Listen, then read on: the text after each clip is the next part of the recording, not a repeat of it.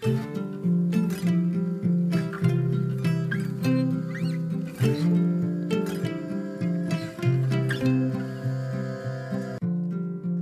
och välkommen till For Health med Anna Sparre.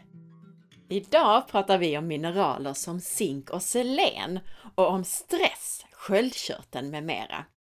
Visste du vad som kan hända med din energiproduktion om du tar tillskott av zink?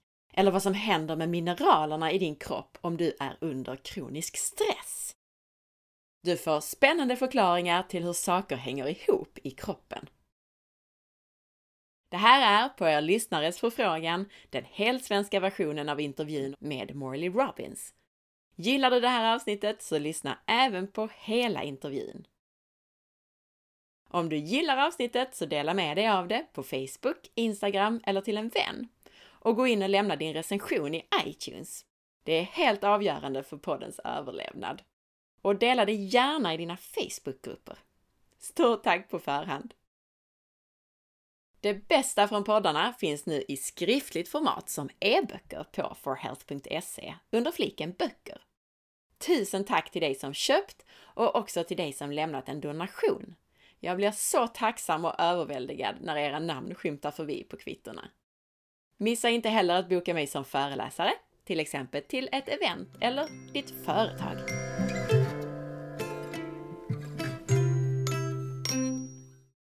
Vi ska vara försiktiga med att isolera enskilda näringsämnen. När vi äter mineraler i maten kommer de tillsammans med sina kofaktorer och andra ämnen. Att ta tillskott av zink enbart stimulerar ett protein som heter metallotionin det här är ett protein som binder upp vissa metaller i kroppen. Problemet är att det binder koppar betydligt mer än zink. Så genom att ta zink så binder vi upp väldigt mycket koppar så att den inte blir tillgänglig för kroppen att använda till alla dess viktiga funktioner. Allt från energiproduktion till produktion av antioxidanter. Morley håller inte med om att dynamiken mellan zink och koppar är särskilt viktig. Det är inte så att zink ska hålla koppar i schack som många tror. Den viktiga dynamiken, den sker mellan koppar och järn. Det är också så att ett överskott av zink är svårt för kroppen att göra sig av med, på ett liknande sätt som järn är svårt att göra sig av med. Sköldkörteln och dess hormoner är helt beroende av koppar. Selen är också involverat i att omvandla T4, lagringsformen av sköldkörtelhormon, till T3, den mer aktiva formen. Enzymet som sköter detta kräver selen. Men flera av kroppens viktiga selenbaserade enzymer fungerar inte i en kropp som har brist på koppar. Beta-oxidationenzymerna som behövs för att cellerna ska kunna använda fett som energi är kopparberoende. Och hur väl vi bryter ner fett i cellerna är något som påverkar T3, vårt sköldkörtelhormon. Något annat som påverkar T3 är hur väl vi använder syre. Och cellernas användning av syre är även den kopparberoende. Morley tar också upp det faktum att många av kroppens viktigaste antioxidantenzymer är beroende av koppar. TRH är hormonet som bildas i hypotalamus i hjärnan och som i sin tur stimulerar TSH. Många stirrar sig blinda på TSH när det bara är en liten del i en lång kedja av hormoner. TRH är kopparberoende och blir lågt om det finns för lite biotillgängligt koppar. Även TPO-enzymet som behövs för att bilda sköldkörtelhormoner är beroende av koppar. Koppar och retinol, A-vitamin, har ett tätt samarbete. Och även retinol är avgörande för sköldkörteln. Det som transporterar sköldkörtelhormoner är ett retinolberoende protein. Och själva cellerna i sköldkörteln är beroende av A-vitamin för att starta sin produktion av sköldkörtelhormoner. Låg sköldkörtelfunktion är kopplad till lågt retinol. Vi nämner också omvandlingen från karotenoider, till exempel i grönsaker, till A-vitamin i kroppen. Något som många med sköldkörtelproblem har svårt med. Den omvandlingen är kopparberoende. Morley nämner också formerna i tillskott, till exempel av A-vitamin. Syntetiska former är inte samma sak som det som finns i riktig mat.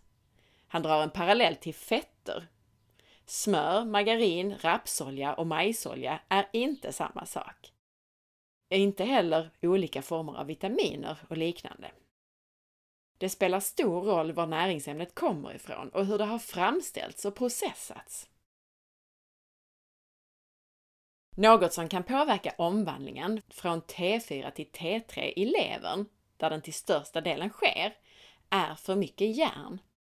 Järn lagras i huvudsak i levern, men också i våra körtlar, bland annat i sköldkörteln hos kvinnor och prostatan hos män. Även om personen i fråga har fått diagnosen anemi så kan för mycket järn ligga avlagrat i vävnaderna. Om makrofagerna i vårt immunsystem känner av att det finns någon form av infektion eller inflammation så kommer de att städa undan järn ur blodet. Ni minns att järn göder bakterier. Vi diskuterar selen och jag konstaterar att vi får i oss väldigt lite selen med maten i Sverige. Vad finns det för naturliga källor till selen och hur gjorde våra förfäder för att få i sig det? Mat från havet, som fisk, skaldjur och alger, är i regel rika på selen. Men frågan är hur mycket selen vi har i vår övergödda Östersjö. Morley betonar hur viktigt det är att försöka äta en kost som är lik den våra förfäder åt. Det vill säga inte bara att äta en paleokost, utan att även tänka geografiskt och äta som våra förfäder ätit i Skandinavien, om vi nu kommer härifrån. Vi tar också upp frågan kring selentillskott och huruvida det på liknande sätt som zink stimulerar metallotionin och därmed kan binda upp andra mineraler, inte minst koppar. Morley har inte svar på frågan här och nu, men jag har sett en studie som visar att selentillskott stimulerar metallotonin lite, dock inte lika mycket som zink gör. Morley betonar ofta problemet med stress för vår kropp och vår omsättning av mineraler. Vid akut stress är det i huvudsak magnesium som tar smällen. Morley brukar prata om magnesium burn rate. Vi förbrukar mer magnesium vid stress. Vid stress behöver cellerna producera mer energi och detta tar magnesium. Det vill säga vi förlorar omedelbart magnesium. Och när stressen blir mer kronisk så aktiverar levern mer metallotionin och binder alltså upp mer koppar. Stressen gör alltså att vi förlorar de två viktigaste mineralerna för att producera energi. Inte särskilt bra för våra mitokondrier. Koppar behövs ju för att aktivera och använda syre och så att det bildas vatten som restprodukt. Men vid brist på koppar så kommer vi att omvandla mer syre till oxidanter, fria radikaler, istället för till vatten. För att ta hand om dessa fria radikaler behöver vi kopparbaserade antioxidantenzymer. Men inte heller de fungerar om vi på grund av stress inte har tillgång till biotillgänglig koppar. Det finns dessutom ett helt spektrum av kopparenzymer som behövs för allt från att bilda kollagen och blod till att bilda signalsubstanser. Och som vi pratat om i tidigare intervjuer ska koppar dessutom reglera kroppens järn. Inget av detta fungerar vid kronisk stress. Morley betonar att det inte bara är emotionell stress, utan även metabol stress för kroppen som påverkar. Gifter som besprutningsmedlet Roundup, glyfosat, kelerar koppar. Paracetamol, vanliga värktabletter alltså, påverkar återanvändningen av glutation. Vi kommer in på askorbinsyra Morley berättar att askorbinsyra förstör biotillgängligheten av ceruloplasmin som vi pratade om i förra intervjun, ett protein som Morley kallar för kroppens viktigaste. Askorbinsyra gör att ceruloplasmin förlorar sin struktur. Proteinet öppnar upp och koppar läcker ut. C-vitamin från mat består av mycket mer än bara askorbinsyra. Det har sex delar. Askorbinsyra är bara det yttre skalet av det här. Morley berättar att medan riktig C-vitamin är en antioxidant så är askorbinsyra en prooxidant. Morley rekommenderar att man inte ska ta tillskott med askorbinsyra och att man också ska undvika citronsyra och citrat. Citrat är ett derivat av citronsyra. Problemet med citronsyra är dock till stor del hur det tillverkas, från en sorts mögel. Vi vet inte här och nu hur man vanligen framställer citrat. Många med allergier, särskilt hösnuva, verkar bli bättre av att undvika just citronsyra. Vi tar upp andra ämnen som behövs för energiproduktion, som till exempel Q10 och PQQ, vilket vi pratat om i tidigare avsnitt. Morley betonar fyra element som särskilt viktiga för energiproduktion. Förutom biotillgänglig koppar då, som vi diskuterat tidigare. Han tar upp magnesium, deribos, karnitin och koenzym Q10. De senare finns i rött kött. Morley ifrågasätter varför man inte skulle kunna få i sig det man ska av detta från kosten. Han är skeptisk till syntetiska former av allt. Jag betonar att stressen i dagens samhälle gör att vi troligen förbrukar mer av de här ämnena, så kanske vi ändå inte får det vi behöver från maten. Dessutom ska jag tillägga att man med åldern producerar mindre av de här ämnena själv i sin kropp.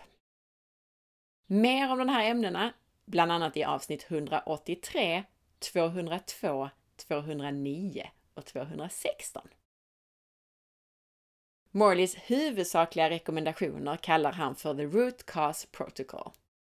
Det skulle även kunna kallas the Restore Ceruloplasmin Protocol eftersom det fokuserar på just kroppens tillgänglighet av ceruloplasmin. I fas 0 rekommenderar Morley att sluta med ett antal saker. Sluta ta askorbinsyra, sluta ta vitamin D, järn och kalcium. Sluta äta konstgjorda saker som margarin och ät istället en näringstät kost. Fokusera sedan på att få i dig mer mineraler och mer vitaminkomplex som de finns i kost, alltså inte i tablettform eller flaska. Morley rekommenderar att få mineraler från till exempel mineralbad, såsom med Epsomsalt eller magnesiumolja till exempel, och särskilda mineralvatten. Att få i sig de fettlösliga vitaminerna A och E är särskilt viktigt. När det gäller vattenlösliga vitaminer så är världens bästa källa för B-vitaminer lever. Lever innehåller dessutom en massa annat fantastiskt såsom kolin, retinol och enzymet katalas. Morley rekommenderar inälvsmat i allmänhet, eller organ meat. Näringen finns i organen, inte i musklerna på djuret. Glöm förresten inte att lyssna på avsnitt 158 på just det här ämnet. Och tänk på att äta djur som fått rätt mat, alltså den mat de är anpassade till att äta. Morley betonar att äta C-vitaminrik mat. I Sverige har vi ju bland annat våra fantastiska bär och så grönsaker och nypon som jag nämnt tidigare. Vitamin C finns dessutom i lever och i binjurar.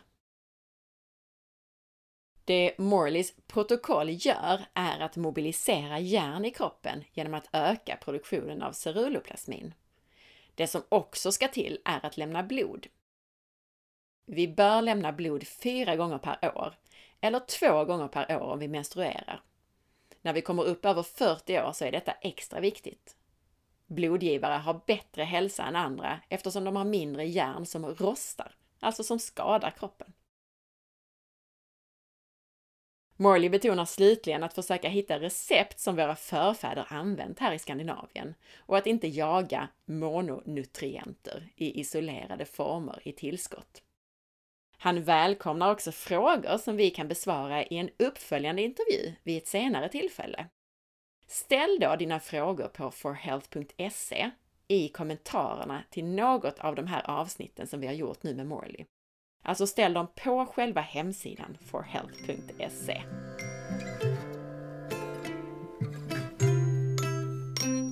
Tack för att du lyssnade! Jag hoppas att du gillade det här avsnittet. Gjorde du det, så dela med dig av det och sprid så att fler får ta del av den här spännande informationen om hur kroppen fungerar. Glöm inte att dela i dina Facebookgrupper också. Jag blir jätteglad om du vill lämna din recension i iTunes eftersom det hjälper andra lyssnare att hitta hit. Följ med på facebook.com forhealth.se där du kan hitta avsnittsinformationen till det här avsnittet som du kan dela och där du varje dag hittar länkar till nya hälsotips och annat. Följ också mig på Instagram via signaturen asparre. Och titta in på bloggen på forhealth.se. Ha en fantastisk dag så hörs vi snart igen. Hejdå!